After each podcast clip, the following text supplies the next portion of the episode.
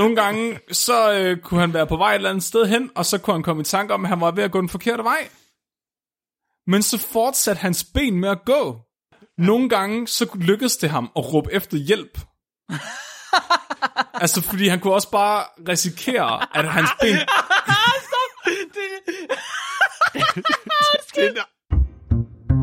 Vi bringer en advarsel. Den følgende podcast handler om vanvittig videnskab.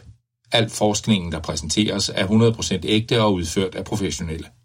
Mark og Flemming står ikke til ansvar for eventuelle misforståelser, men minder jeg om, at de altid har ret. Husk at være dumme.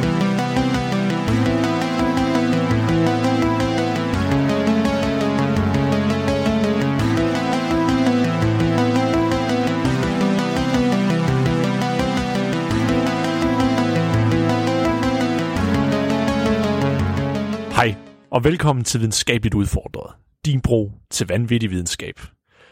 Jeg kan ikke styre min venstre hånd, Nikolaj. Og jeg er min egen højre hånd, Mark.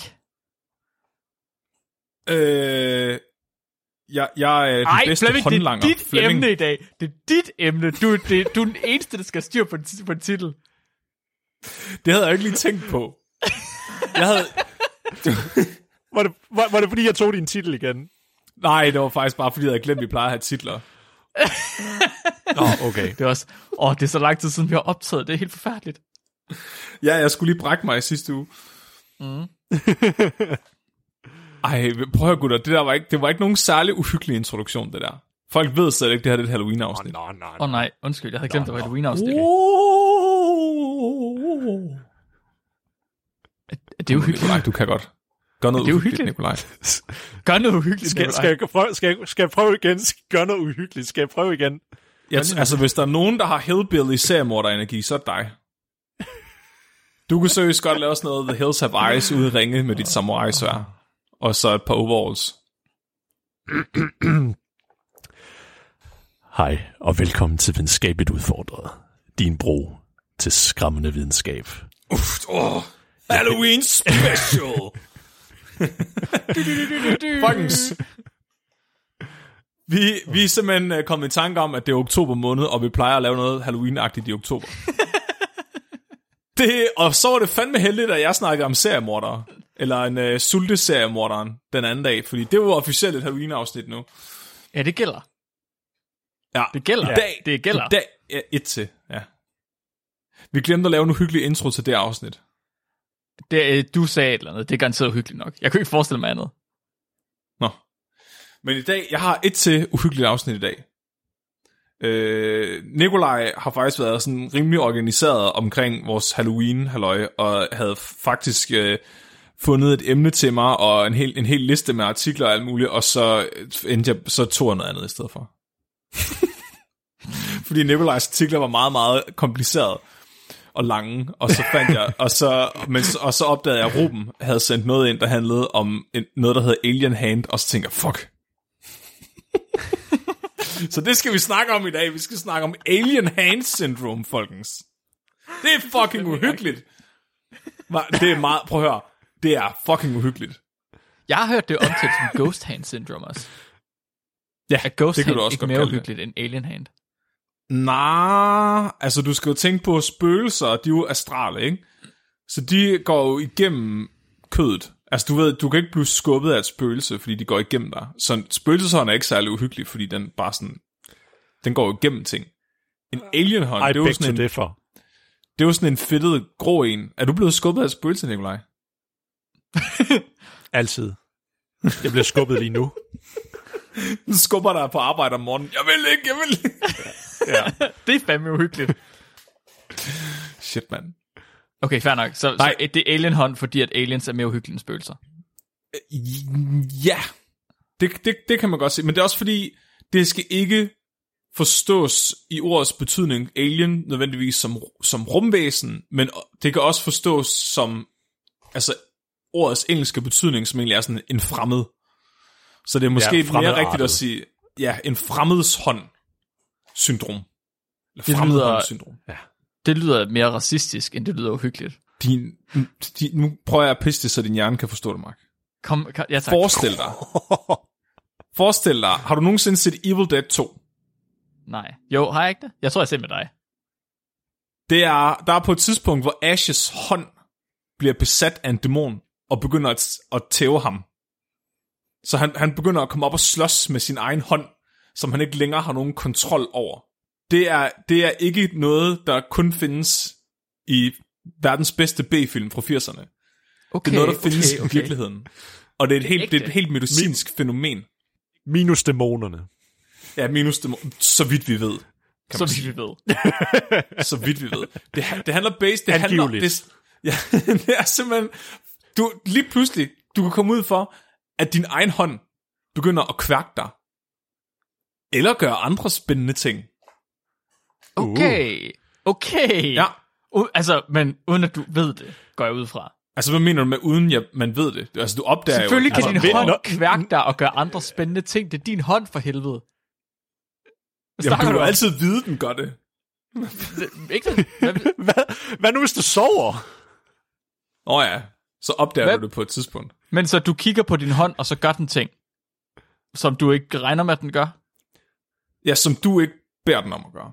Skal vi sige Okay, det fair sådan? nok. Jeg, ja, ja, Den jeg er ude Okay, af din okay. kontrol. Ja, ja. Mm-hmm. Og med det vil jeg ikke afsløre for meget. Hvorfor har jeg det som om, at det, her, det er bare et afsnit, hvor Flemming han har, har en undskyldning, fordi han blev taget i årene nære? Det var på toget, det var i stillekupéen, jeg larmede ikke.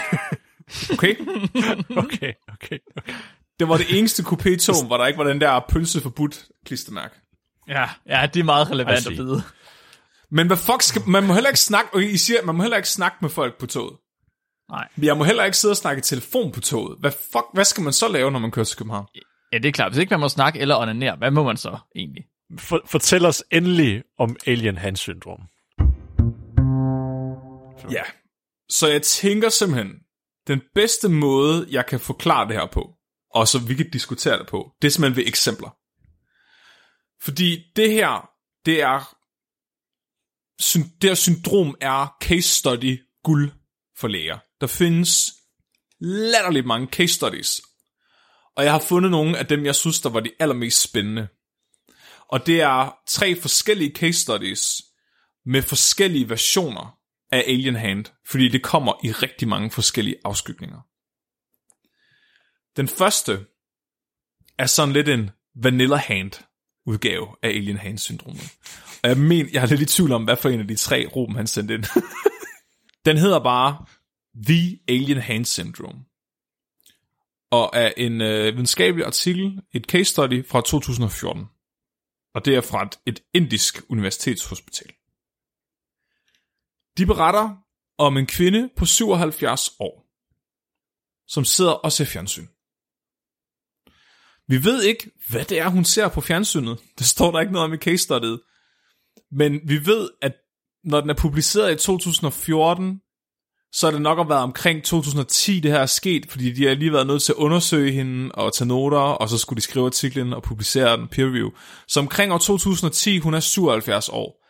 Ud fra det kan vi deducere, hun højst sandsynligt har set Barnaby eller Det Lille Hus på Prærien. Ja. Hvis de har det i Du er, så, Indien. du er så dygtig detektiv, Flemming. Ja, ja. Jeg er faktisk ret journalistagtig. Er du Barnaby? Ja, det tror jeg. Peter Alexander Nej, han er har slet ikke noget på min Flemming er mere. Columbo. Ja. Flemming er mere Columbo. Imens hun sidder her og ser øh, det lille hus på prægen, så øh, svinger hendes venstre hånd ind foran hendes synsfelt. Og begynder ligesom og af hende på kinden. Og begynder at af hende i håret. Og det der, der er måske egentlig ikke noget unormalt i at gøre, mens man ser fjernsyn med sin hånd. af sig selv lidt. Jeg ved ikke, hvis man er lidt ensom. Problemet er bare, at det er ikke rigtig hende, der gør det. Altså, det er hende, som i det er hendes hånd, der er hende. Men det er ikke hende selv, der tænker tanken, at det skal ske. Den gør det faktisk uden hun har nogen form for kontrol over sin hånd. Øh, hun ved godt, det er hendes egen hånd. Hun forstår godt, at det er hende selv, der ærer. Men hun kan ikke stoppe den. og hun, bliver, hun sidder sådan og prøver at tænke, stop. Hvad laver du, hånd? Stop, ned igen. Men der, den, hun kan ikke stoppe den. Den ærer bare af egen fri vilje.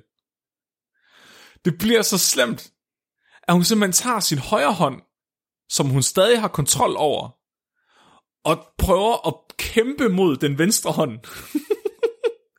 og simpelthen fjerne den fra sit ansigt. Men hun kan ikke. Fordi hendes venstre hånd er lige så stærk som hendes højre hånd. Så hun er sådan fanget i kamp mellem sine hænder, mens hun ser fjernsyn. Den dummeste slåskamp, jeg nogensinde har hørt om. Prøv at tænke at stå ved siden af og se hende stå og slås med sig sådan, Åh, jeg kan, jeg kan ikke få den til at stoppe med af mig. Det, altså jeg vil sige, nogle gange, hvis man bare havde sådan en tidsmaskine, og man kunne få lov til at være hvor som helst på hvilket som helst tidspunkt i verdenshistorien, Så ikke? vil du være der. det tror jeg.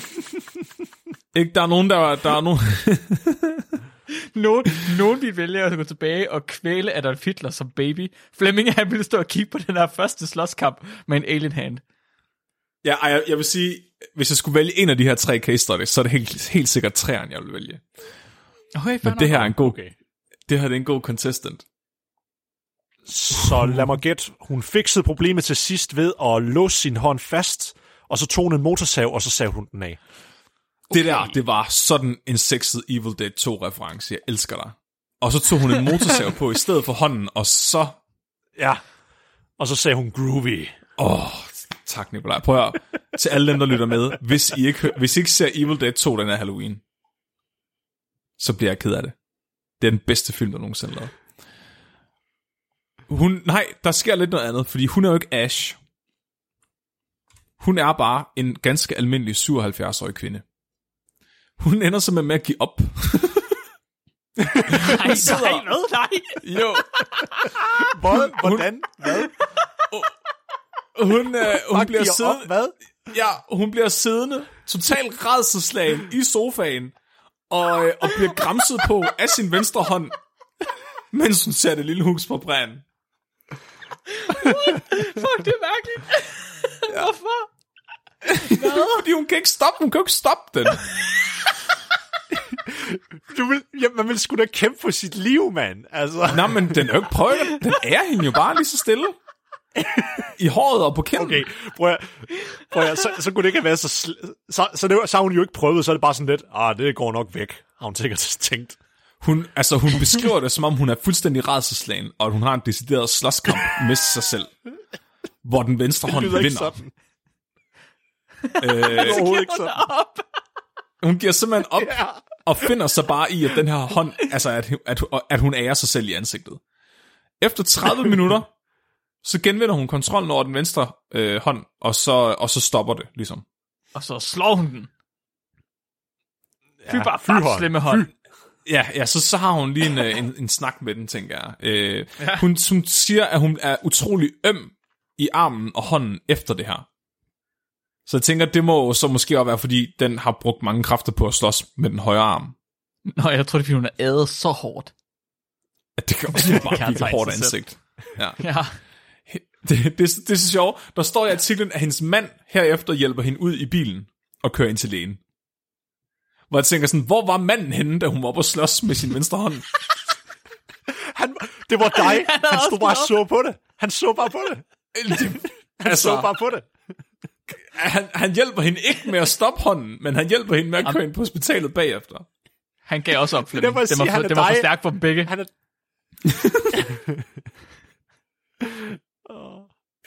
Hun, øh, på vej ind til hospitalet, der trækker hun ligesom sit venstre ben lidt efter sig. Altså som om hun går ikke lige så godt på det venstre ben som det højre. Åh oh, nej. Hun kommer ind til lægen og fortæller, hvad der er sket. Og det er så her, at lægen tænker, hmm, MRI-scanneren eller spændetrøjen? Elle belle. Why not both? ja, og, det er jo så Hvilke her, piller lægen tager du det. til daglig? Ja. Øh, Og det, og det er en af, faktisk et generelt problem med Alien Hand Syndrome, at det er rigtig, rigtig svært at finde ud af, om det er Alien Hand Syndrome, altså, eller om det er noget psykisk. Mm. Så, men, men, men øh, han læser hendes journal, og finder ud af, at den her journal, den er, ah, den er lidt spændende, så det, der, kunne- det kunne sgu egentlig godt være noget medicinsk, det her, som ikke bare er hende, der er ved at blive dement eller sådan noget. Det, der, der er, hun har en rimelig spændende, hvad kan man sige, straffetest øh, medicinsk. Straffetest. Hun har, altså, og det er jo så kombineret med, at han også ser, at hun trækker sit venstre ben efter sig. Hun har det, der hedder kronisk, og jeg vil gerne sige undskyld for mine evner til at udtale medicinske termer. Der er en grund til, at jeg ikke har fået lov til at undervise de medicinstuderende, selvom jeg er phd studerende på Sund. de har sendt mig over at undervise øh, de andre molekylære biologer i stedet for. Hun har kronisk atriaflimmer. Ja. Okay. Jeg, Ja. Så hendes Atrium hjertekammer, det flimrer. Ja, lige præcis. Atrium er forkammeret i hjertet. Og hvis man har flimmeren i det, så slår det hurtigt og irregulært. Forkammeret har øh, ligesom mulighed for at hjælpe med, at det her blod bliver pumpet rundt, selvom det er ventriklerne, der står for det, så vidt jeg forstår. Men hvis, hvis, hvis der er flimren, så er det ligesom out of sync med hjerterytmen. Og så er det, at hjertet det slår dårligere, blandt andet. Altså fordi der simpelthen ikke er koordineret særlig godt. Øhm, så normalt afslapper ventriklerne, dem der ligesom pumper blodet ud, og så er det så forekommer og skubber blodet ind til ventriklerne, for at det så kan blive pumpet ud. Men fordi at det slår irregulært, så fucker det med hjertets funktion. Giver det mening? Så den prøver faktisk at pumpe blodet ind til ventriklerne, mens de er lukket. Så Okay. den mm. spiller lidt, ja. Og det er rigtig, rigtig træls, fordi det kan lede til demens, det kan lede til hjertestop, og det kan lede til blodpropper, plus alle mulige andre grimme ting. Hvis man får korrekt behandling for det her, så kan man leve med det i op til 25 år, plus minus 9 år. Så det er ikke, altså, det er ikke en dødsdom at få. Du kan sagtens leve med det dit liv ud, hvis at du sådan er en middelalderne person, som de fleste med det her er.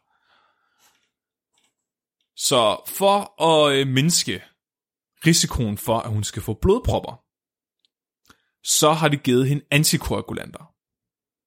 Det er også det, vi kalder blodfortyndende medicin i Danmark, eller i hvert fald en type blodfortyndende medicin. Det mindsker blodets evne til at koagulere, altså at klumpe sammen. Det er, for, det er lidt træls, hvis du får et sår, og du bløder, fordi så får, du, så får din krop svær ved at stoppe blødningen, fordi dit blod ikke ligesom kan klumpe sammen.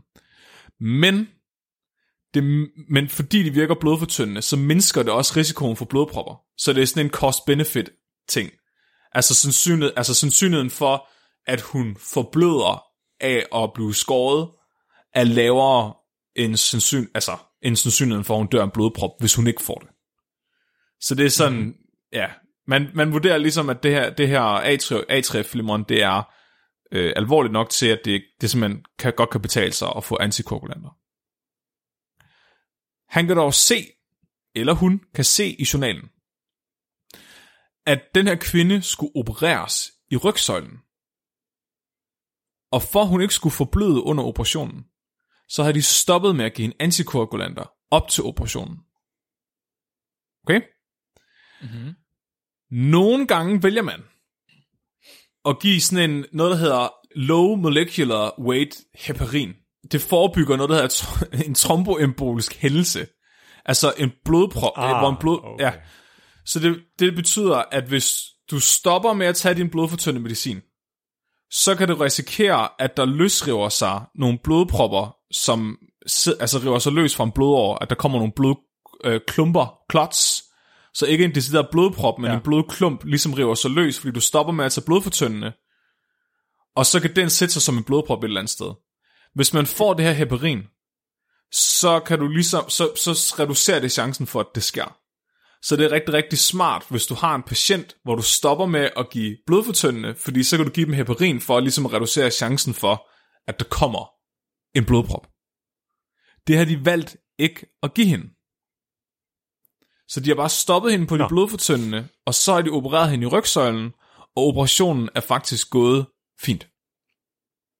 Okay. Ud fra det her, så tænker lægen, fuck, gad vide, om hun har fået en blodprop, fordi der har løsredet sig en klump øh, koaguleret blod et eller andet sted for hendes blod. Det, der kan ske, det er, at hvis de har, altså, en, blod, en blodprop er fucking farlig, fordi den kan sætte sig et, eller andet, et, et vigtigt organ i kroppen, for eksempel, og blokere for blodtilførslen. Som for eksempel i hjernen. Så det, de gør, det er, at de smider hende i en, øh, en CT-scanner og en MRI-scanner, og så kigger de. Og det er også baseret på, at de kan se, at hun trækker benet efter sig. Så det kunne tyde på, at den har siddet i den højre hjernehalvdel, som styrer den venstre side af kroppen. Ja. Og det, kan de, det får de så bekræftet deres mistanke. De kan se, at der har været en blodprop i højre side af hjernen. Men ikke som i, at den har været inde i hjernen. De kan, det er sådan en blodprop, der har sat sig op til hjernen, sådan så blodtilførselen til hjernen er stoppet momentært. Det hedder acute infarcts, tror jeg udtales. Så Og det betyder... Så det er ja. lige der ved blodet, det er lige der, hvor blod-hjernebarrieren, den har sat sig eller hvad? Det tror jeg. Den, den har, det har i hvert fald været tæt okay. Nok på, til at, den, at den, den har simpelthen stoppet. Jeg, jeg tror ikke, de kan se specifikt, hvor den har siddet henne, men de kan se, at der Nej. faktisk er en, er en del af hendes hjerne, der er død.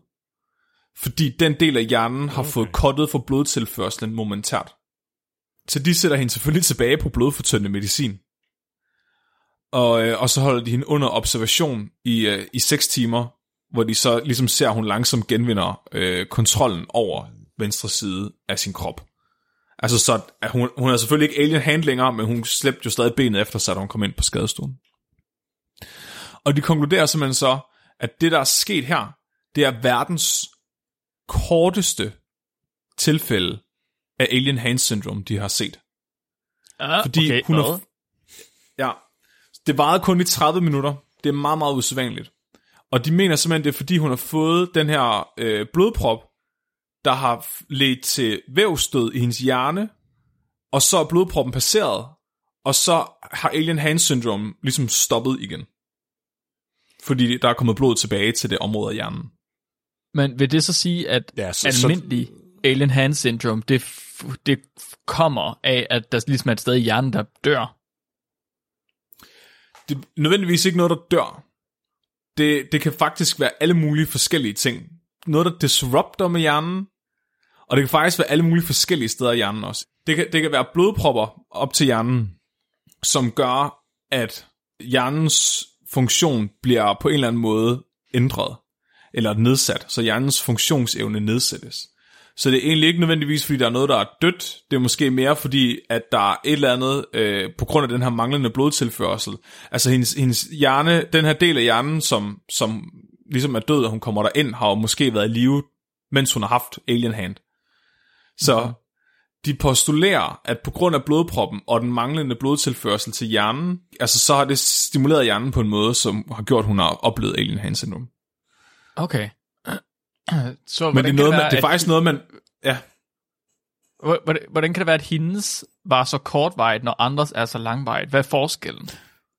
Så det, for de mener, at det er fordi, hendes blodprop i hjernen har været forbipasserende. Men så, Så andre har, kun har en blodprop i længere tid, eller hvad? Ja, og så er det måske også fordi, den del af hjernen er død. Efter okay. øh, ilt. Ja, så det er ligesom, ligesom stoppet igen med at, s- at stimulere Nå. det, der har ledt til alien hand syndrome. Ja. Så hvis hun var blevet ved med at få ild til, i stedet for at den ligesom var død af det, så ville hun blive ved med at have alien hand syndrome. Men det var fordi, at det startede med at komme og blev til alien hand, men så døde den del af hjernen faktisk, sådan at den ligesom stoppede igen. Jamen, du, du skal også tænke på det som om, at mens den her del af hendes hjerne har været i live, har den jo lidt under manglende ilt. Så det har jo fucket med måden, hvorpå hjernen har, har ligesom fungeret. Så hvis hendes, den del af hendes hjerne var overlevet og fået ild igen, så var hun jo nok gået tilbage til normal tilstand alligevel, fordi den ikke længere var påvirket af iltmangel. Okay. Så det er den der meget specifikke tilstand af, at en del af hendes hjerne har manglet ilt, som har fucket med hjernens evne til at kommunikere med sig selv på. Alien hand syndrome kan forårsages af så mange forskellige ting, og det ser man bare igen og igen i litteraturen. Det, det kan være demens og Alzheimer's og øh, alkoholdemens, det kan være slag i hovedet, det kan være kirurgi til hjernen, det kan være epilepsi, og det kan være blodpropper og andre lesioner, det kan være alle mulige mærkelige ting. Det eneste, der går igen, det er, at der på en eller anden, altså, at man, man ligesom mener, at hjernen, at der er dele af hjernen, der mister evnen til at kommunikere ordentligt med, med hinanden. Vores forståelse af det her fænomen er så dårlig, at vi ikke har nogen god idé om, hvordan det fungerer. Ja, fair nok.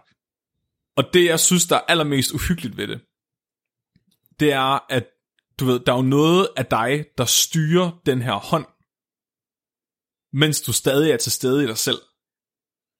Mm. Altså, fordi den her, hendes hånd vifter jo ikke bare tilfældigt. Den ærer hende Nej. i ansigtet og i håret. Så der er jo på en eller anden måde en spaltning i hendes bevidsthed. En del af hende selv styrer hånden, og en del af hende selv observerer, at hun styrer hånden. Og det er det, jeg synes, der er så fucking uhyggeligt ved det her syndrom. For det betyder, det, at hendes bevidsthed bliver spaltet i to, imens det sker.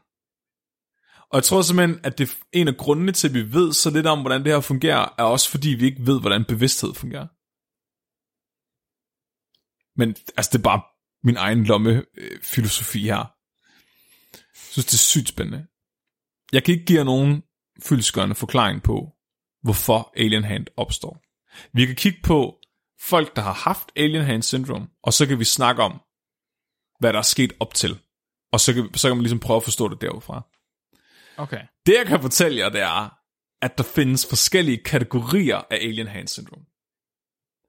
Så alt efter, hvilken del af hjernen, der bliver påvirket, manifesterer Alien Hand Syndrome sig forskelligt.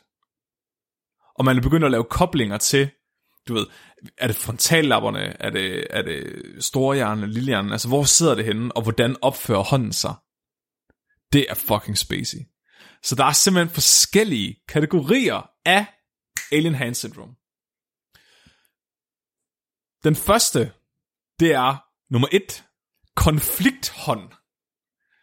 Den ene hånd...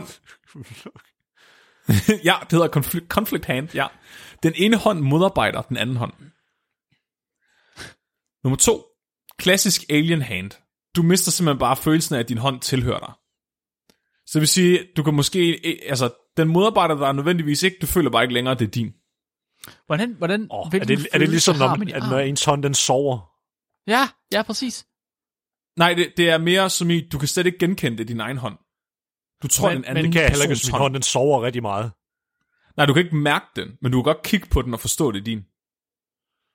Folk med den her udgave af Alien Hand Syndrome, de kigger på deres egen hånd og tror, det er en anden person, der står med deres hånd der. Okay, det er weird. Så, du, så hvis de vil læne, så kan de ikke se forskel på deres egen hånd og lægens hånd. Altså, der er ikke, de, de har ikke noget tilhørsforhold okay, til ja. den. Ja. Det, det er fucking weird. Og hvis de bliver bedt om for eksempel at pege på deres, hvis de, hvis de har det i den venstre hånd, hvis de bliver bedt om at, pege, at udpege deres venstre hånd, så peger de bare på den højre hånd. Så, så de, har ikke, de har ikke længere noget ejerskab over deres hånd, og forstår ikke, at det er deres egen. Men det er, det er ikke, altså, det er mere et aspekt af nogle typer alien hand syndrome, end det er en type hånd i sig selv. Okay. Vi har også type 3, anarkisthånden. Det betyder, at din, øh, din hånd begynder bare at udføre specifikke opgaver af sig selv. Ting, som du nødvendigvis ikke har nogen mening om. Det kan være, at den begynder at lægge vasketøj sammen, eller dig i håret. Det kan også være, at den begynder at skrive, eller skifte kanal på fjernsynet. Den er bare sådan, fortsætter bare ligesom om den anden person, der styrer den. Ja, at, at, at, grunden til, at den gør de ting, nu har du snakket om, om det er mm. fordi, at ens personlighed ligesom bliver spaltet på en eller anden måde. Og det er ren spekulation, mm. og bare noget, du tænker. Men hvis det er tilfældet, er der så en del af ens personlighed, der mener, at man bør gøre de ting? Eller der det mener, at man bør opføre sig på den måde? Hvad siger du, Nikolaj? Altså på trods af, at du ikke valgte det der emne, jeg først foreslog, så er du forbavsende tæt på det alligevel, nemlig. Ja, med fri vilje. Fordi jeg, ja, fordi jeg vil, mere, jeg vil mere sige, at uden afsløre for meget, hvis det er, at vi får det afsnit på et tidspunkt, at det er stadigvæk en del af hende, ja, men de beslutninger, du tager, så du tager dem bevidste, de er allerede taget for dig, uden du selv er klar over det, hvis det giver mening. Fordi at det ikke er dig, der tager beslutningen, det er din underbevidsthed? Øh, ja, hvis man kan sige sådan, for, fordi det fra neurovidenskab, der tyder det på, at der er sådan et lille space, inden du, hvis du for eksempel sidder nede i et rum, og du bliver bedt om, jamen du skal bare gøre et eller andet tilfældigt, for eksempel tage det her glas vand op, så når de måler på dig, så kan de sådan inden for få sekunder, inden du faktisk gør den aktive bevægelse, så kan de vide, ah, nu har han tænkt sig, og det her det er hans beslutning. Du kan se det, inden de gør det. Hvordan kan de se det i hjerneaktiviteten? Ja, så de kan okay. måle det med, at der er noget, der tyder på, at der er noget, der allerede har taget beslutningen, før du selv er bevidst omkring det. Huh, okay. Og det er virkelig freaky.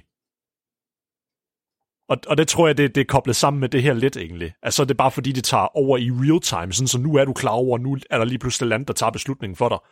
Så det er som om, at den, den der barriere med, at vores hjerne snyder os, til vi tror, vi er i kontrol, den, den, den går væk med det her alien hand syn- syndrom. Det, det, lyder, det lyder lidt for mig som om, at, at det der med, at vi ikke er i kontrol, er, fordi, er ikke fordi, at der er nogen andre, der tager beslutningen for os. Det er fordi, at den beslutning bliver taget måske i en refleks eller et eller andet. Måske en del af hjernen, Ja, som vi ja. ikke normalt tænker over. Og det, der så Ja. måske sker med Alien Hand, det er, at hjernen aldrig får at vide, at vi tager den beslutning. Og derfor så er vi aldrig bevidste om handlingen, fordi at vi får aldrig sendt signalet derop til, hvor det er, vi er bevidste om det. Jeg tænker sådan tit på, altså hvis hjernen er ligesom øh, det dybe, ukendte hav, hvor vi ikke aner, hvad for nogle monstre, der lever dernede, så det her, og så Alien Hand Syndrome, det, er- det er krakken. vi ser lige en tentakel, der kommer op en gang imellem. Det er Alien Hand Syndrome. Okay. Vi har også, så okay, så vi har konflikthånd, vi har øh, alienhånd, og så har vi anarkisthånden. Så er der også øh, fire, der hedder ekstra hånd, øh, hvor patienten simpelthen føler, at de har, decideret har en ekstra hånd, øh, som de ikke ved, hvor kommer fra. Øh, så har vi nogle bonuskategorier. Øh, vi har femeren, leviterende hånd. Og det er simpelthen, hvor hånden, den, øh, den som navnet øh, øh, ligesom siger, leviterer. Så du render bare med en arm, der bare svæver ud til siden, og, og sådan, øh, øh, den vifter øh, lidt rundt en gang imellem, men uden noget tydeligt mål.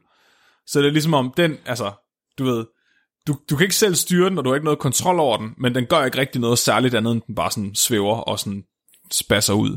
Jeg vil aldrig, aldrig, så... aldrig, aldrig nogensinde tro på nogen, der kom og sagde, at de havde alien hand syndrome. Jeg vil så meget tro, de tog pis på mig. Okay, men øh, så vil du nok øh, virkelig tænke det ved nummer 6 her, som hedder Gramsehånd. Ja. Det Nej. er Alien Hand Syndrome, hvor, du, hvor patienten øh, simpelthen gramser på sig selv, ofte på en aggressiv måde. Som i din hånd voldtager dig. ja, klart. Yes. Nej, det var slet ikke der. Jeg, jeg, det, det var, jeg, jeg ved godt, jeg var på toget. Det var slet ikke mig, der gjorde det. Det var min hånd. Det var bare, jeg, ja. det var ikke med vilje. Ikke nok med, at du onanerer på toget. Du onanerer aggressivt og modvilligt. Hvordan onanerer man modvilligt? Græder lidt Og- samtidig. Ja, jeg vil ikke. Så har vi den sidste. Syveren, den autokritiske hånd. Og det er nogle gange, at øh, din ene hånd, din alienhånd, simpelthen begynder at slås med din anden hånd. What the fuck? Den er så uenig med den hånd, du styrer selv, at den begynder at angribe. Så ligesom at kvinden her, der sad og så fjernsyn, prøvede at stoppe sin alienhånd, så er det bare omvendt. Din alienhånd prøver at stoppe den hånd, du har kontrol over. I ekstreme tilfælde, så siger alienhånden, fuck mellemmanden, jeg går direkte efter bestyrelsen, og så prøver alienhånden at slå dig ihjel. Nej! Jo, der er et tilfælde, hvor folk har en alienhand, der simpelthen prøver at, at kvæle dem selv. Ligesom i Evil Dead 2. Det er altså også smart. Det, det er altså også lidt smart tæ- tænkning af den alien hand. Cut out the middleman. ja, lige præcis. Der var, fuck det der. Ja, hvis, hvis du dør, kan du ikke gøre noget imod mig. Så altså, det, prøv lige at forestille dig at sidde på toget, og så få dobbelt alien hand. Den ene er en gramsehånd, og den anden øh, en autokritisk hånd. Så du, du sidder bare sådan og ved at kvæle dig selv, og øh, røre ved dig selv på en aggressiv måde. Er det ikke bare David Carradine-syndrom? Ayo! Kan du, kan du skrive et, øh, et læserbrev til det videnskabelige journal og foreslå det som medicinsk forklaring? Ja. Så nu har vi fået etableret, Mhm. at alien hand syndrome er noget, der sker, hvis hjernens funktion på en eller anden måde bliver fucket med. Mhm. Det kan komme af alle mulige medicinske årsager, og alt efter hvor henne i hjernen det sidder, kan man se, at der er en vag sammenhæng mellem, hvilken type alienhånd man får. Okay. Den her kvinde fik det, jeg vil kalde en anarkisthånd, øh, hvor den simpelthen bare begynder at arbejde uafhængigt af hende. Altså den begynder at udføre nogle bestemte opgaver, og den har ligesom sin egen idé om, hvad der skal ske. Hun har, som jeg tidligere sagde, det kortest dokumenterede tilfælde i litteraturen. Hun havde kun alien hand syndrome i 30 minutter. Mm-hmm.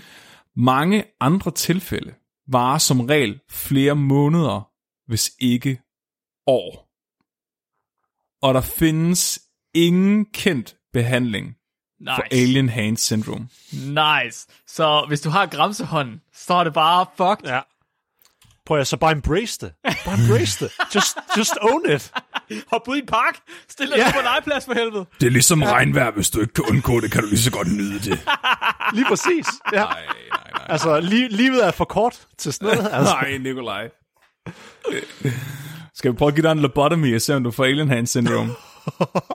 Okay, jeg tror, jeg får andre problemer end, bare det, hvis du giver mig en lobotomy. Hold kæft. Så jeg tror, du bliver en meget bedre phd studerende af, at jeg ikke har fri vilje. Mm. Det tror jeg bare generelt alle phd studerende vil have godt af. Så kan vi ikke lide, så kan, så kan vi ikke lide under vores... Øh... Så er det i hvert fald ikke vores skyld, vi får dårlige resultater. Hvor mange PhD-studerende kender du, der har fri vilje? Ja, det er selvfølgelig rigtigt. Ja, det, måske det, det en PhD handler om. Det er faktisk bare en, øh, en øh, ekstern øh, øh, lobotomy. Ja. Ja. Fleming, Flemings mikrobiom har fået ham til at tro, at han skal studere mikrobiomer. Ja, Ja. Mm-hmm. min tarm styrer min krop. Det, Ja. det er taget lang Det, tid. at det, det er bakteriernes måde at beundre sig selv på. Ja. Det er også derfor, jeg hele tiden har diarré. Det er for at prøve at sprede den der bevidsthed, der har overtaget mig. Spred kærligheden. Det er ligesom zombier bider for at sprede. Jeg skider for at sprede. Ah, ja. Nå, Ja, okay. der var en ny case. Ja. Så øh, nu sidder jeg og tænker, hold da op, det var godt nok nogle øh, rimelig vilde typer alien hand syndrome, der findes. Kan du lige komme med nogle eksempler, Flemming? Og det kan jeg. Vores næste case study er en kvinde på 81 år. Hun er, for det første får vi at vide, at hun er højrehåndet, hvilket er utrolig vigtigt. Hun kommer til lægen, og hun er, hun har en utrolig kedelig journal. Uden noget spændende. Oh, øv. Men alligevel så klager hun over, at hun er følelsesløs i venstre side af ansigtet, armen og benet. Okay. What the fuck? Altså, Altså, Hvad? Ja. I hele halvdelen af kroppen? Hele, basically hele venstre side af hendes krop sover og sådan prikker på den der irriterende måde, som hvis du lige har ligget om på din arm. Ikke? Hvordan går hun? Øh, hun kan godt styre det, men hun kan ikke rigtig mærke noget. Altså, du kan også godt bevæge Jesus din, fuck. du ved, du kan godt bevæge din arm, selvom den sover lidt og prikker, ikke? Men, men sådan Jeg har, I har nu, du, men har I nogensinde prøvet det der med at slå på en arm, der sover? Eller prøv, hvis Ja, ja, ja. Jeg, jeg vågner nogle gange, hvor jeg har ligget sådan med den mærkeligt, og så vågner jeg, hvor den så sover, og så skal jeg have den væk derfra, fordi ellers så bliver blodet jo ved med at være væk. Ja. Ja. Og så må du så løfte den, og den er bare Ja. ja. fucking tung. Og du, du, kan ikke, du kan ikke mærke, det er så underligt. Hvordan kan man da gå på det? Jeg har en fornemmelse af, at jeg vil kunne dreje den 180 grader rundt, uden at kunne mærke det. Nå, der, der, der står jo heller ikke, hun er gået ind til lægen. Der står bare, hun kommer til lægen. Ja. God pointe. Jeg bare ja. kravlede derinde. De, der, de siger så også, at hun var forvirret og desorienteret, og hun mistog sin datter for at være en sygeplejerske. Ja, okay, fair nok. Så hun har det, hun har det pænt træls. Ja. De holder hende under observation i to dage, og øh, her bliver hun så, begynder hun så at klage over sin venstre hånd. Øh, fordi hun, altså, de kan jo se, hun klager over, at den er følelsesløs, og ligesom om den sover, men, men hun bruger den stadigvæk. Problemet er bare, okay. at hun ikke rigtig selv synes, at det er hende, der bruger den. Fordi øh, i de her to dage, hvor de observerer hende, så klager hun over, at hendes venstre hånd bliver styret af nogle andre end hende selv. Ja. Mm-hmm. Fordi den slår hende i ansigtet. Hun ligger simpelthen i sin seng og smækker sig selv lussinger med den venstre hånd. Det giver bare helt ny betydning til det der. Hvorfor slår du dig selv? Hvorfor slår du dig selv? Det er uhyggeligt, gutter. Det er Halloween-afsnit. I skal ikke sidde og. Oh, ja, undskyld. Jeg, jeg er rystet min grundvold. Ja, tak. De, øh, lærerne kommenterer også på, at hun simpelthen er bange for sin egen hånd. Øh, Er du bange for dig selv? ja. Og det ender simpelthen med at, at flytte hende til et andet hospital, hvor de mener, at de har bedre forudsætninger for ligesom at tage sig af hende. Psykiatrisk afdeling. Men det, hun er jo, hun, hun, de flytter jo hele hende med. De har jo ikke fjernet problemet. De har jo bare flyttet problemet med. Ej, og den her artikel, den er lidt fucked up. Den er lidt fucked up. Der er, man tænker stadig med nogle af deres beslutninger, ah, er det fordi, er det, er det for hendes bedste, eller er det bare fordi, I synes, det er det virkelig, virkelig spændende? fordi de flytter hende over til et andet hospital, hvor de er bedre udstyret til ligesom at tage sig af hende. Og øh, de, de holder hende så under observation, er sådan, nej, hvor spændende. øh, hun slår ikke sig selv hele tiden. Øh, de, de øh, observerer også, at, hun, at den her hånd, den nogle gange bare sådan klør sig selv. Altså, den venstre hånd klør venstre side af kroppen med venstre arm. Men det er som om, hun ikke opdager, at den gør det. Det ligner, at hun bruger sin venstre arm, uden at kigge på, hvad hun laver. Så det er ligesom om, hun den sådan føler sig frem, for ligesom at mærke, hvor henne på kroppen den er. Så hvis hun for eksempel skal klø sig bag øret, så er det ligesom om, hun ikke rigtig rammer med venstre arm i første forsøg, at, at hun ligesom sådan skal føle sig frem, før hun kan klø sig bag øret. Og de siger, det ser også ret mærkeligt ud, fordi hun, altså hendes opmærksomhed bliver ikke rigtig henledt til, at hun gør det. Så når, så når vi normalt klør os, så bevæger vi lige vores krop, eller kigger op på vores hånd, bare lige for sådan at se, hvor den er henne, så vi kan guide den. Men det er ligesom om, hun bare gør det fuldstændig uden at bruge resten af sin krop til at gøre det.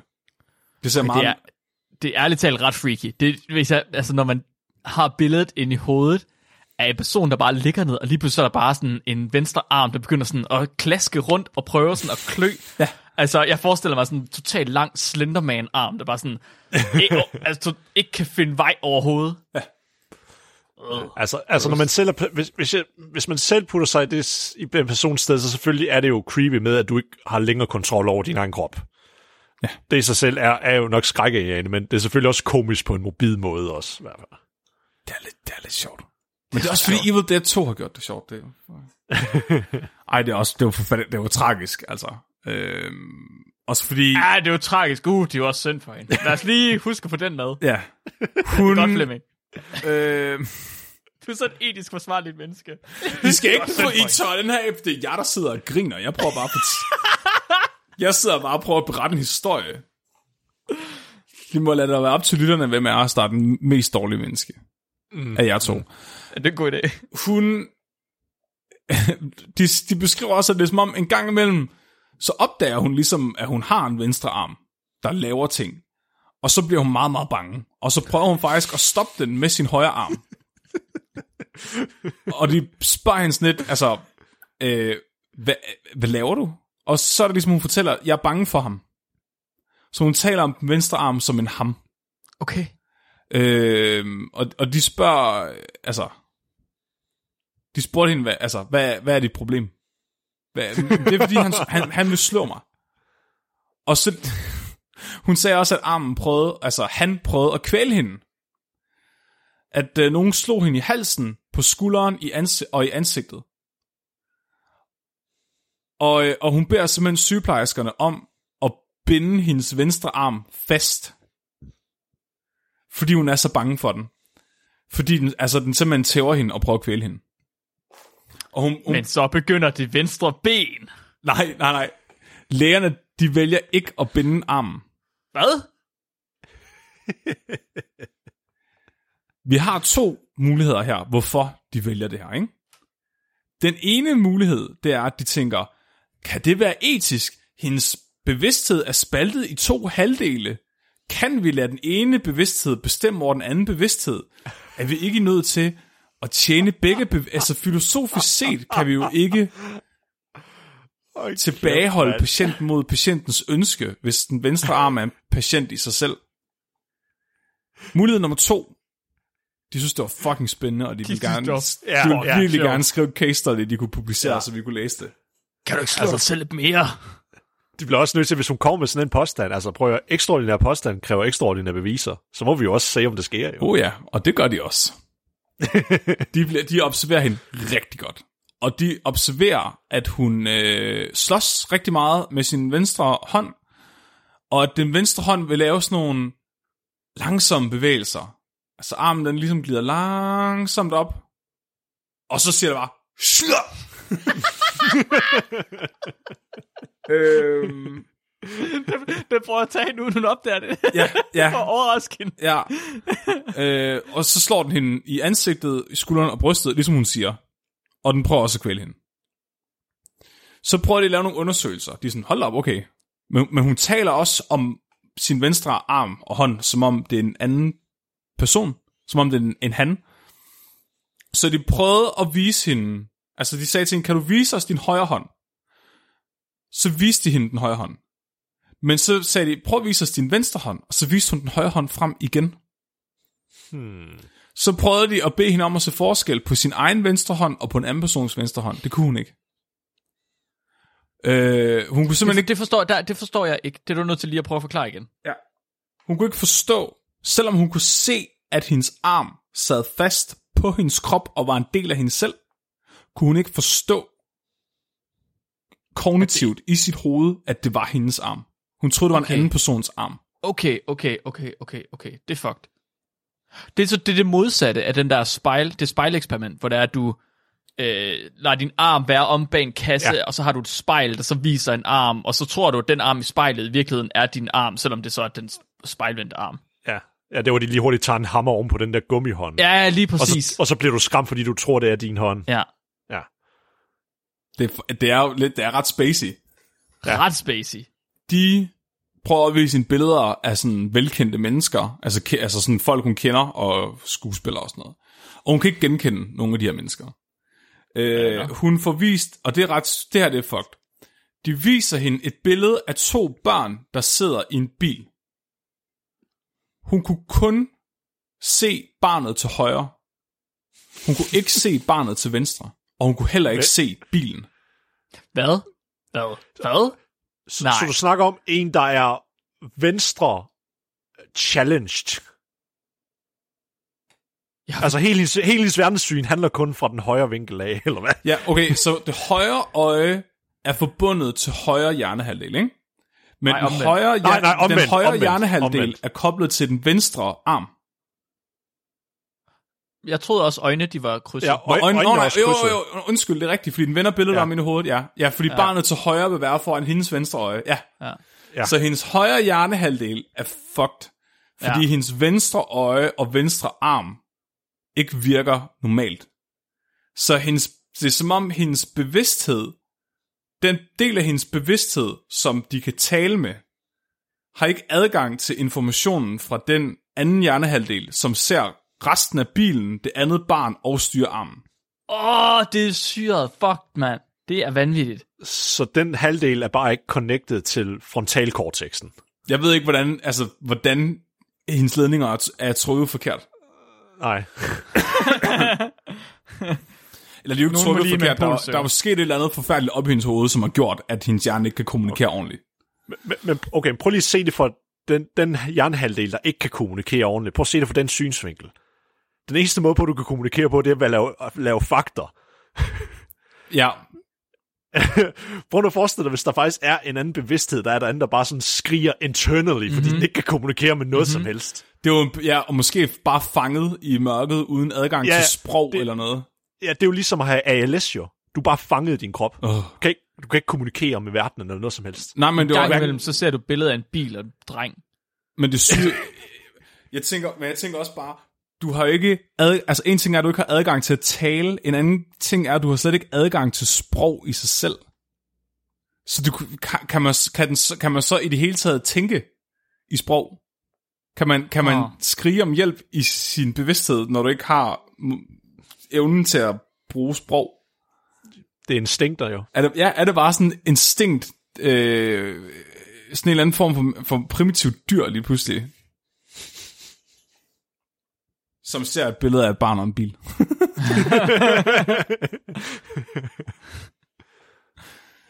det, er, det, det er, ret- altså, vi, det er, nu skal vi jo sige, vi, altså, vi er jo ikke hjernekirurger, Nej. men selv hjernekirurgerne forstår ikke, hvordan det her fungerer, så det er jo bare sjovt at sidde og prøve at gætte, hvad, hvad, mm. hvordan fuck det her fungerer. Og det, det er basically stadigvæk det, den medicinske litteratur gør. Det er at rapportere bare. det, og så, med så meget information som muligt, og så en eller anden dag har vi måske nok case studies og, og, og scanningsbilleder, til vi kan begynde at forstå det.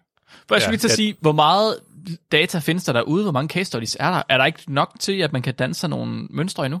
Jeg tror, jo, altså man kan jo så se, at, at, okay, så for eksempel kan man se, at hvis der er sket en skade på frontallapperne, så er det oftest den højre hånd, der bliver alienhånden. Hvorimod i mange andre okay. tilfælde, så vil det være den venstre. Okay. Øh, man kan også se, altså jeg- nu siger jeg bare navnene på de her hjernecenter, jeg er ikke sikker på, hvad de gør, men corpus callosum for eksempel, øh, hvis der er skader her, så leder det ofte til konflikthånd, hvor Ah, hånden okay. modarbejder den anden hånd. Og man kan se, øh, jeg tror der er en til, man har koblet til en bestemt hjernehalvdel.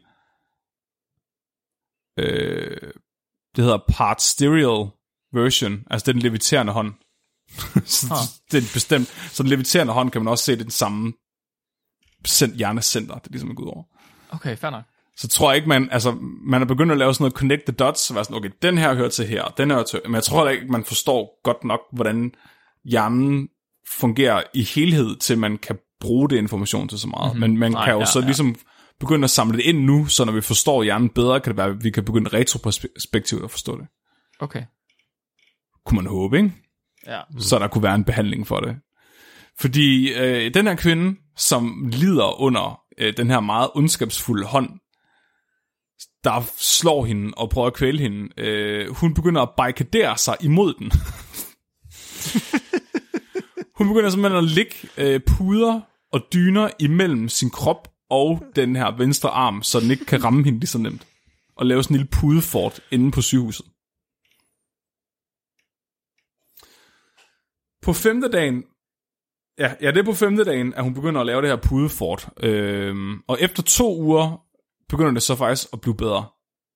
Og hun er ikke længere bange for armen. Og det er så her, at den her øh, alien hand syndrom ligesom begynder at forsvinde igen.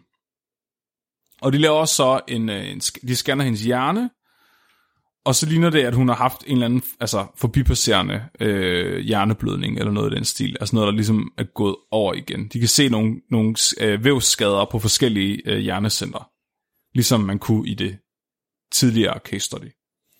Så det vil sige, det der har givet ophav til den her alien hand, er ligesom passeret igen.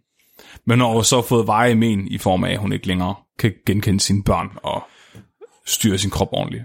Hvor, hvor gammel var hun, sagde du? Igen? Øh, hun var, jeg tror hun var 81. Ja, hun var 81. Okay, fair. Er det, næsten, er det næsten altid ældre personer, at det, det sker for?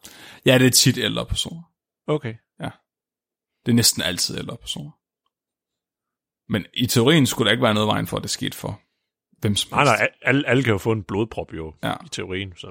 Det er bare statistisk set, skal det ofte senere i livet. Ja.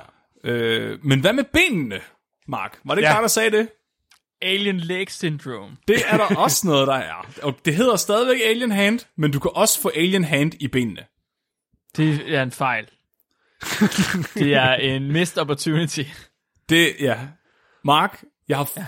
det her case study, og det kan jo sgu godt være, der er det her Ruben sendt ind, nu bliver jeg sgu lidt i tvivl. Det hedder Intermittent Alien Hand Syndrome caused by Marki, ja, eh, pff, alkoholdemens. Hvad? Hvad? Hvad? Hvad? Det hedder Ma- Makia Fava Bignami et eller andet. Det er en, det er en type alkoholdemens.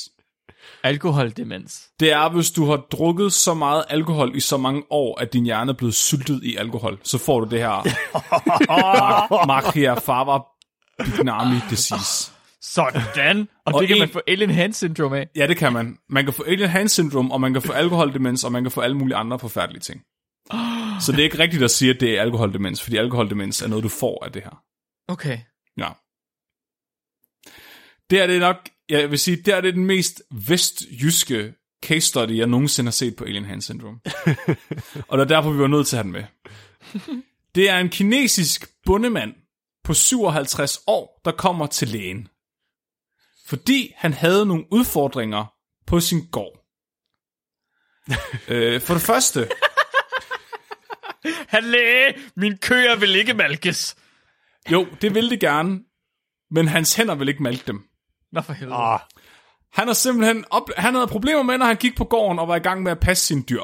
Så arbejdede hans hænder mod hinanden. Og det var pisse irriterende jo. nej, det er træls. Det var træls, ja. Det var, jo, det var træls, men han fortsatte selvfølgelig. Han oplevede for eksempel, hvis han skulle prøve at holde en pose med begge hænder, så, så ville hans hænder holde i hver sin ende af posen. Så han kunne ikke bare holde en pose, så ville den anden hånd tage fat i den anden halvdel af posen. Jeg vil også være med. Og hvis han så prøvede at slippe med den ene hånd, så slap den anden hånd også. Så det er ligesom om hans hænder, de skændtes om at lave opgaverne. Når han øh, kørte i sin lastbil, og ville dreje til venstre, så besluttede hans hånd sig for, at bilen, den lastbilen den skulle dreje til højre i stedet for. Det er ligesom et lille barn. Fik han sender to små børn. Ja, og det, det fuck det er, når, når han havde problemer med at holde fast i ting, og hans hænder kom op og skændes, så var det hans venstre hånd, han ikke kunne stoppe fra at tage fat og slippe posen. Men når han kørte lastbil, så var det den højre hånd, han ikke kunne stoppe fra at dreje. Så Oh, vil han, gerne, han ville gerne dreje til venstre, men den højre hånd sagde bare, fuck it, vi drejer til højre i stedet for.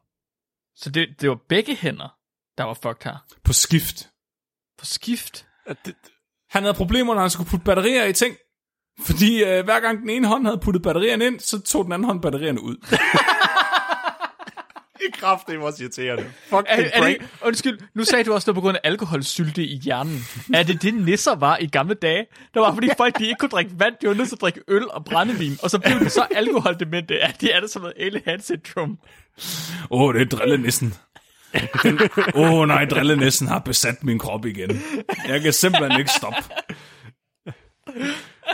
Jeg må hellere tage noget mere alkohol og styrke mig på. Altså, I er nødt til at forstå, han har mega, mega slemt alien hand syndrome.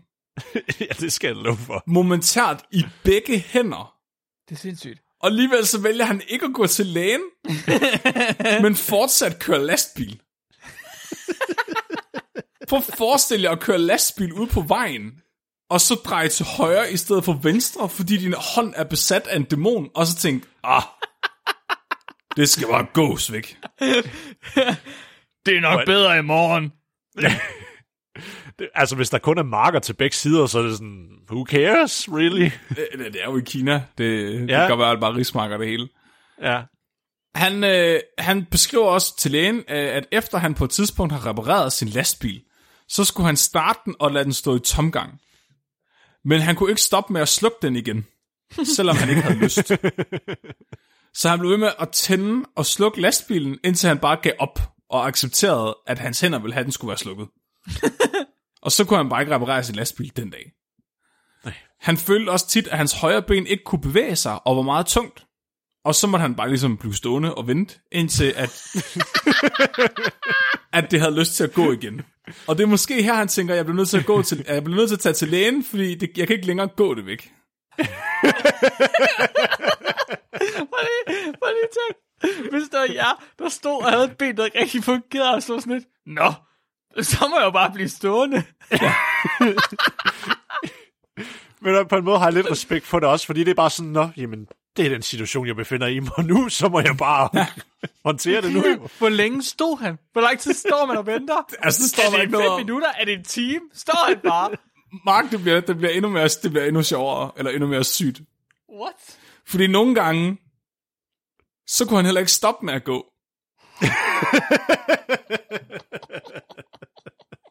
Nogle gange, så øh, kunne han være på vej et eller andet sted hen, og så kunne han komme i tanke om, at han var ved at gå den forkerte vej.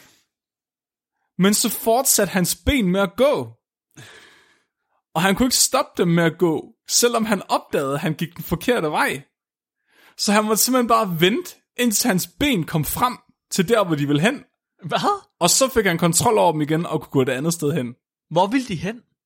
Jamen så hvis han nu tænker, at han skulle ud og fodre hønsene, så vil han begynde at gå ud til hønsene, men så vil han komme i tanke om, hov, jeg skulle da glemt at slukke ovnen. Så er han bare nødt til at acceptere, at hans ben vil ud til hønsene, før han kan gå ind og slukke ovnen. What? Nogle gange, så lykkedes det ham at råbe efter hjælp. altså, fordi han kunne også bare risikere, at hans ben... Det er nøjagtigt ligesom en tegnefilm. En middelalderlig kinesisk landmand, der går, og mens han går ud til sit hønsehus, råber han bare efter hjælp. Hjælp! Hjælp! Hallo? Stop mig! og øh, så, øh, så vil øh, folk i nærheden komme, og simpelthen komme og dreje ham. så vil han være sådan, jeg skal den der vej, og så vil de bare dreje ham, og så vil, han, så vil hans ben fortsætte den anden retning. What the fuck? Okay. øh, øh, det her det er den værste, ikke? Det er den aller, aller værste, og det er faktisk slet ikke sjovt, det er bare virkelig, virkelig tragisk. Okay. Fordi, når han skulle fodre sin høns, så hver gang han kom ind i hønsegården, så glemte han, hvorfor han var inde i hønsegården. Åh oh, nej. Og så når han kom ud af hønsegården, så kunne han huske, at han skulle fodre dem. Så han blev ved med at gå frem og tilbage. Løsningen var, at han endte med at lade være med at gå ind i hønsegården, og bare kaste maden ind over hegnet. What? Ja. Okay. Han tænker så på et eller andet tidspunkt, nu må jeg hellere, gå til, nu må jeg hellere blive gået til lægen. Måske var det i virkeligheden bare fordi, at der var nogen, der drejede ham i retning af lægen, Ja. Og så gik han modvilligt ind på skadestuen. Han var sådan, nej, stop mig, stop mig, drej mig den anden vej. Og så er jeg bare sådan, hvad? jeg skulle ud og få min høns, jeg skal ikke til lægen. Men de, øh, de får så snakket med ham. Han har højst sandsynligt ikke nogen journal hos den her læge. Han har, han har sikkert ikke været ved lægen, siden han blev født. Øh, Det, men hvis man har snakket med ham, får de konstateret, at han drikker 600 til 800 milliliter ren alkohol om dagen. Ja, tak. Og det har han gjort i over 30 år. Ja, tak. Når, når du siger ren alkohol, Ja, men, men, mener, du mener ikke bare 40 procent eller Nej. sådan noget? det der svarer til 99 procent. Så over, altså, det her det er mere alkohol, end Lemmy han drak. Lemmy, han var, Lemmy var kendt for, Lemmy fra Motorhead var kendt for at drikke en flaske Jack Daniels om dagen. Ham her, han drikker alkohol, der svarer til to flasker Jack Daniels om dagen. I 30 år. 600 milliliter, var det du sagde? 600-800 milliliter. Ren alkohol. Ja, Og i en almindelig flaske sprut, der er der 700 milliliter 40 procent. ja. Det er mere end to flasker Jack. Ja, hvis du tager ja. den ekstreme, øh, ja. Så ja. ja. Shit, damn. De får så hurtigt diagnostiseret, at han har der Machiaffava pygnami, som er hjernen, der er blevet syltet af alkohol, indtil den simpelthen begynder at blive brudt ned. Hvilket er virkelig, virkelig uhyggeligt. Og det kan blandt andet lede til alkoholdemens. Altså, hvor man simpelthen bliver dement af at have drukket så meget alkohol. De beslutter sig for, at øh, det bedste, de kan gøre, det er at skulle og, øh, og bare lade ham sove brænder den ud. og så øh, give ham en hel masse B-vitamin i en måned. Fordi en af de øh, symptomer, øh, B-vitamin, det kan åbenbart lede til, til virkelig slem B-vitamin-mangel. Og B-vitamin-mangel kan også give mange af de her symptomer, som de ser, han har. Artiklen slutter med, at han desværre ikke dukkede op til den opfølgende undersøgelse. Så de kunne ikke vurdere, om behandlingen havde været succesfuld. What? Nej, nej. Så enten er det fordi, at, øh, at hans ben ikke har lyst til at gå tilbage, eller også er det fordi, han har tænkt, jeg skal kraftedeme aldrig nogensinde risikere at være ædru igen. Ja, han havde nok, han havde nok de værste tømmermænd nogensinde. Han, Jeg tænker også, Ja. når, når du drak så meget, dør du så ikke bare, hvis det er, at du får en kold tyrker? Altså, det var det Lemmy, han døde af at stoppe med at drikke. Altså. Det, Jeg skulle lige til at sige, er de sikre på, at han ikke var død? Ja, det står der ikke. Altså, der står, at han ikke valgte at komme tilbage. Jeg tror, hvis han var død, så tror jeg, de kunne have... Så tror jeg altså godt, de kunne have slået op. Ja. De kan godt, altså i Danmark, der kan du jo godt få adgang til folks journaler i forskningsøje med, hvis de har givet dig samtykke. Og han har jo givet samtykke til den her artikel. Jeg men nu skal forestiller mig ikke, jeg forestiller Ja, mig skal ikke, lige huske, der hvad vil hverken er. samtykke eller at skulle slå Nej. noget op. Præcis. Men det er jo selv ikke sikkert, at det bliver registreret, at han er død nogen steder. Nej, det er måske også rigtigt. Så øh, ja, altså, han havde nærmest fuld plade på Alien Hand Syndrome. Bortset Ja, fra, da at, han, at hans, altså, så vidt vi ved, så var, var hans hænder ikke seksuelt aggressive over for ham. Og de var heller ikke voldelige over for ham, så vidt vi ved. Måske over for hønsene. Det kan godt, det, det kan godt være. Ja.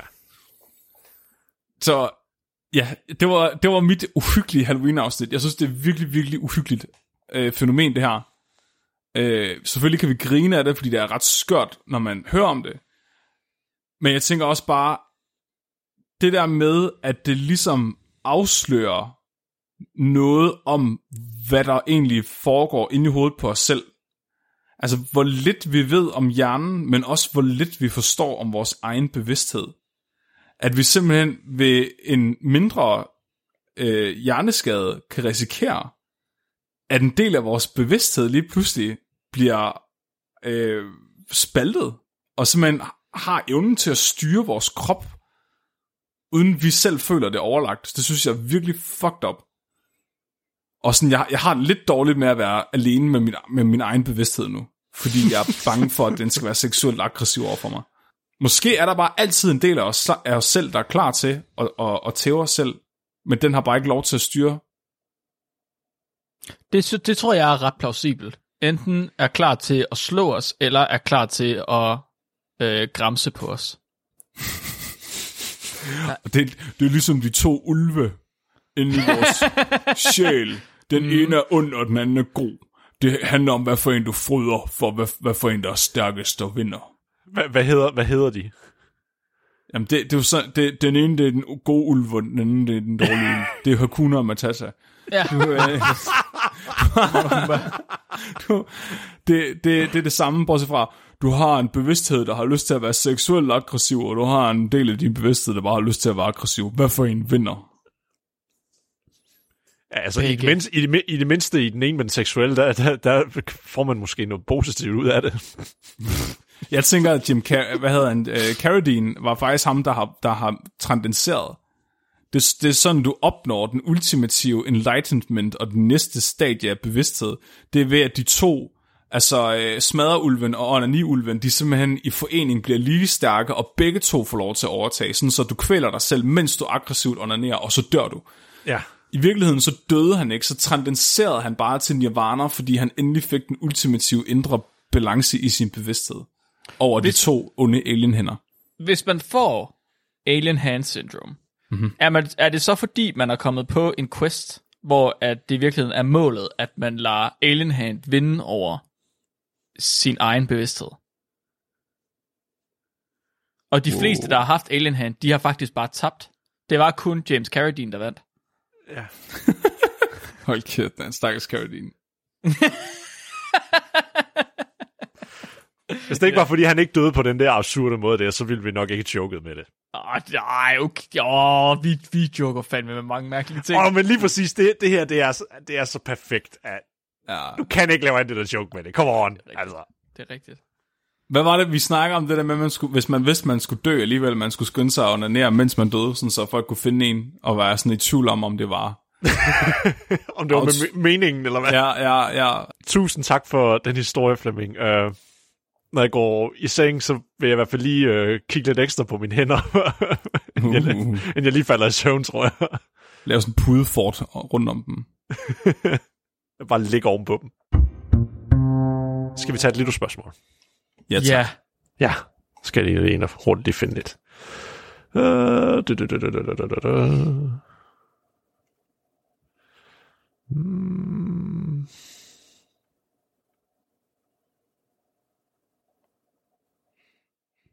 Okay, jeg har en her fra Camilla, der ikke er streget ud. Er der en sammenhæng mellem at være udsat for for meget pollen og græs igennem ens opvækst, og når man så ikke udsættes for det der mere, at man udvikler allergi? Mm, okay, så en, en, hvad skal man sige, omvendt exposure therapy. Exposure therapy, der er gået galt, er det, jeg hører. Altså, vi havde tidligere snakket om, at nogle allergier måske kommer af, at den del af vores immunforsvar, der står for at nedkæmpe parasitter, keder sig, fordi vi ikke længere har nogen parasitter, de kan kæmpe imod. Ja, Så måske kan det godt være, fordi vores immunforsvar bliver arbejdsløst. Men så igen, vores immunforsvar burde vel egentlig aldrig nogensinde reagere på pollen alligevel. Så det er vel egentlig ikke exposure, fordi det er jo fejlagtigt, den reagerer på det. Så selvom vi bliver udsat for det som børn, så har det jo ikke noget med immunforsvar at gøre. Så det skal være, fordi dit immunforsvar glemmer, hvad pollen er, fordi det er så længe siden, du har haft pollen i kroppen, eller Ja. hvad? Ja, altså jeg tror ikke, du kan nødvendigvis blive overexposed. Jeg tror, at det faktisk er fordi, at hvis man er blevet udsat så for rigtig meget pollen, når man er lille, så ophober alt den der pollen sig i kroppen. Det er ligesom kviksølv. Det ved man ikke, mm. men det har man fundet ud af for nyligt. Det har jeg fundet ud af for nyligt. At pollen er ligesom tungmetaller, og de gemmer sig i kroppen. Og på et tidspunkt, så er der så meget pollen i kroppen, at lige pludselig så får du bare et allergisk tilfælde af al den pollen, der er i kroppen. Og så dør Ja. man Ja, af pollen. Er Det, der, kan ske. det er sket for rigtig mange. Der er også, men jeg tænker sådan på, altså pollen er det ikke sperm? jo, Filos- Pollen filos- er sperm. ja, det er det. Det er rigtigt. Filosofisk set er det sperm. Så måske er det bare... Videnskabeligt set er det sperm. Juridisk set er det sperm. Ja, botanisk, botanisk set er det sperm. Jeg tænker bare, at der må være... Måske er det i virkeligheden, fordi folk, der er allergiske over for pollen, de simpelthen bare har nået øh, grænseværdien for mængden af sperm, de kan have i deres krop. og at de simpelthen på et eller andet tidspunkt har så meget sperm i deres krop, at deres, at deres immunforsvar reagerer negativt på det. Ligesom din kviksølteori. At det simpelthen, Jeg- Ja. Jeg skulle lige til at sige noget rigtig, rigtig, rigtig ulækkert. Fordi os- hvad med alle de børn, der er allergiske over for pollen? Mark, verden er et dystert sted. Deres, deres, deres, øh, deres sædbank er bare fyldt. Men børn, børn er jo også lavet ud af sæd. Jeg skulle lige til at sige det, Flemming. Jeg skulle lige til at sige det. Vi er jo selv sæd. Ja. Måske er det derfor, der er nogen, der vokser fra allergi, fordi jo ældre du er, des længere væk er du fra at være sæd. Okay, wow, så lige, så lige en okay. teori. Så endelig onanere så meget du kan, fordi så kommer du af med noget sæd, sådan så du har en høj kapacitet, så du kan modstå det. Ja, Ja, det skal ud af kroppen. Jo. ja, Hvad er frø? Er frø sæd, eller er frø æg? det er ikke. Okay, frø er æg. Så, så sådan nogle trænødder, det er også frø. Er de også æg? De må være æg. Uh. Så hvis ikke du kan tåle peanuts, eller mandler, jeg kan huske, hvad- eller dem alle sammen. Mås- Okay, så hvis du nu tog nogle æg fra træerne, og tog ind i kroppen, sådan så spermen fra træerne kunne befrugte æggene, er det sådan, du får renset dem ud? Ja, så cancellerer de hinanden. Prøv, luk lige røven. Prøv lige at kæft begge to. Det er derfor, at hvis man bliver udsat for nødder med tiden, at så bliver man ikke allergisk over for nødder. Det er fordi...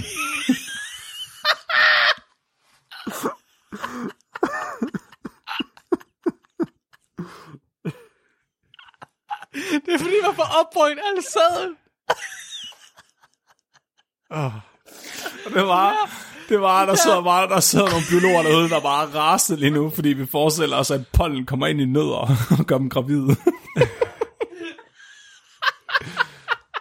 er det ikke sådan, naturen virker, damer og herrer? Jo. Det var fandme et godt svar. Den kører vi med. Jeg er glad for, at vi nåede derhen. Ja, jeg, jeg håber på, at vi besvarede dit, øh, dit spørgsmål fyldeskørende, Camilla. Så hvis du har nødallergi, skal du få børn med en, der har pollenallergi. Det er meget vigtigt. Ja. ja. Alright. Er der, er der noget, af, at lytterne de skal gøre derude, folkens? Jamen, vi har jo vores... Øh, vi er jo blevet informeret... Ja, altså, nu har jeg jo været rigtig meget i kontakt med vores lyttere face-to-face gennem Bayer-studiet. Det har været pissefedt, fordi vi har også, jeg har fået noget feedback. og øh, der er rigtig mange, der er forvirret over, at vi har kaldt vores fanside for en fanside. Fordi det er ikke en side på Facebook, det er en gruppe. Aha. Det er en Facebook-gruppe, som man kan melde sig ind i, som mm-hmm. er en fan, og den er blevet ændret til at hedde en fangruppe nu. Det er derinde, at vi lægger alle vores ekstra gakkerløjer op, og datoer for events og så videre, med mindre at, altså, det er fordi, vi har ikke lyst til at være irriterende på sociale medier. Så vi har, vi har, altså, vi har en videnskabelig udfordret profil på Facebook og på Instagram og sådan noget, som vi ligesom lægger op, når der sker noget stort. Hvis der kommer et nyt afsnit eller live show eller et eller andet. Men alle de der andre små ting, det foregår inde i gruppen, for ligesom at prøve at inddæmme det lidt. Og det er også derinde, der er alle mulige fede øh, hønsebilleder. Så videnskabeligt udfordret fangruppe, Ja. hvis man vil være med til den daglige debat, og til, når Flemming han lægger begivenheder op for Bayer-studiet, og for hvad end ellers der måtte være. Ja. Yes. Nice. Og- Skidegodt. Så er vi jo nødt til at lave et shout-out, fordi jeg sad og researchede, jeg skulle sidde og kigge på, hvilket gammelt afsnit det var, hvor jeg snakkede om øh, Joe, der havde fået split brain. Og mener det var afsnit 309. Og i det, jeg sidder og googler, så finder jeg lige pludselig en videnskabeligt udfordret fanpedia. Er det det, det hedder? Wikia, ikke? Wiki er en kæmpe, kæmpe, kæmpe... Det, var, det er en Wikipedia-side for kun om videnskabeligt udfordret. Og den er sådan flere hundrede sider stor. Det er fuldstændig crazy. Og det ligner, at det er en person, der har lavet det. Og jeg er virkelig ked af, jeg ved ikke, hvem det er. Hvis, hvis du hører med, så skriv, lav lige et opslag inde på fangruppen ja, og gør ja. dig til kende. Jeg er ret, fordi... jeg, er ret, jeg, har, jeg mindes at have set et opslag om det på et tidspunkt, men jeg kan ikke huske det 100% længere. Jeg er sygt imponeret. Der står alle mulige vilde ting og detaljer om alle afsnittene og sådan noget. Det er så sejt. Jeg kan jo øh, for eksempel lige fortælle, nu er jeg bare lige derinde, og kan se, at der Harmonica er en ny populær side, som, så vidt jeg kan se, er helt ny. Der har hele Flemmings Harmonica Saga. Nej. Jo, fra nice. ende til anden. Øhm, der er også sket det, at vi øh, hvad hedder det, se, har fået en voksen wiki-side også, som den bliver ikke længere slettet. Så hvis der er nogen, der har lyst til at smide noget ind der, eller på vores... Øh, vi har også øh, blevet registreret på IMDB nu. Så voksne er vi blevet, gutter. Øh, vi har fået en IMDB-side, den er også tom. Hvis nogen, der har lyst til at... Hvis nogen alligevel keder sig og har lyst til at bidrage, så vil det være mega fedt. Øh, eller til fan Wikipedia-siden. Jo mere crap, der står om os på internettet, des nemmere er det at, at finde os og derved lytte til os. Så det gør, at der er flere mennesker, der hører podcasten, og tusind tak til alle dem, der allerede hjælper med det. Næste uges afsnit, det er Moi, der skal præsentere, og det jeg kan afsløre, det er, at det bliver nok et remake af et relativt gammel episode, den gang, hvor vi havde vores gamle format, hvor vi sådan ved hvor vi tre om at præsentere. Mm-hmm. Så vil jeg gerne tage op igen, at vi kigger på gamle sygdomme. Uh. Ja, ja. Så sygdomme, der har været med menneskeheden i, i flere årtusinder mindst. Mega sejt. Very good. Alright, så er I klar til dagens dyrfakt? Oh yes. Dagens dyrfakt er af Louise, og hun skriver, Toritopesis er en slags skobbel, der lever i, i varme have og er på størrelse med en lille fingernegl. Hvis den føler sig troet, for eksempel hvis der er der temperaturændringer i vandet eller sult, så udvikler gobbelen sig tilbage til sit øh, polypstadie, og derefter vokser den op på ny, og det kan den bare blive ved med at gøre igen og igen. A.k.a. The Immortal Jellyfish. Den har jeg set i virkeligheden. Har du? Ja, de havde den i uh, Osaka, i sådan et stort indendørs akvarie. Det var mega antiklimatisk at se den. den er seriøst, den, er ikke, den har ikke fortjent at være udødelig. Fordi den er grim, eller fordi den er lille, eller Det, prøv at den ligner bare noget, der ligger... Altså, den ligner de der snotklatter, der ligger og flyder rundt på bunden af, af en offentlig svømmehal. Det er en levende plastikpose, jo. Jamen, det er uduligt dyr. Mit navn er Nikolaj. Jeg er Flemming. Og mit navn er Mark. Du er blevet videnskabeligt udfordret. Husk at være dum.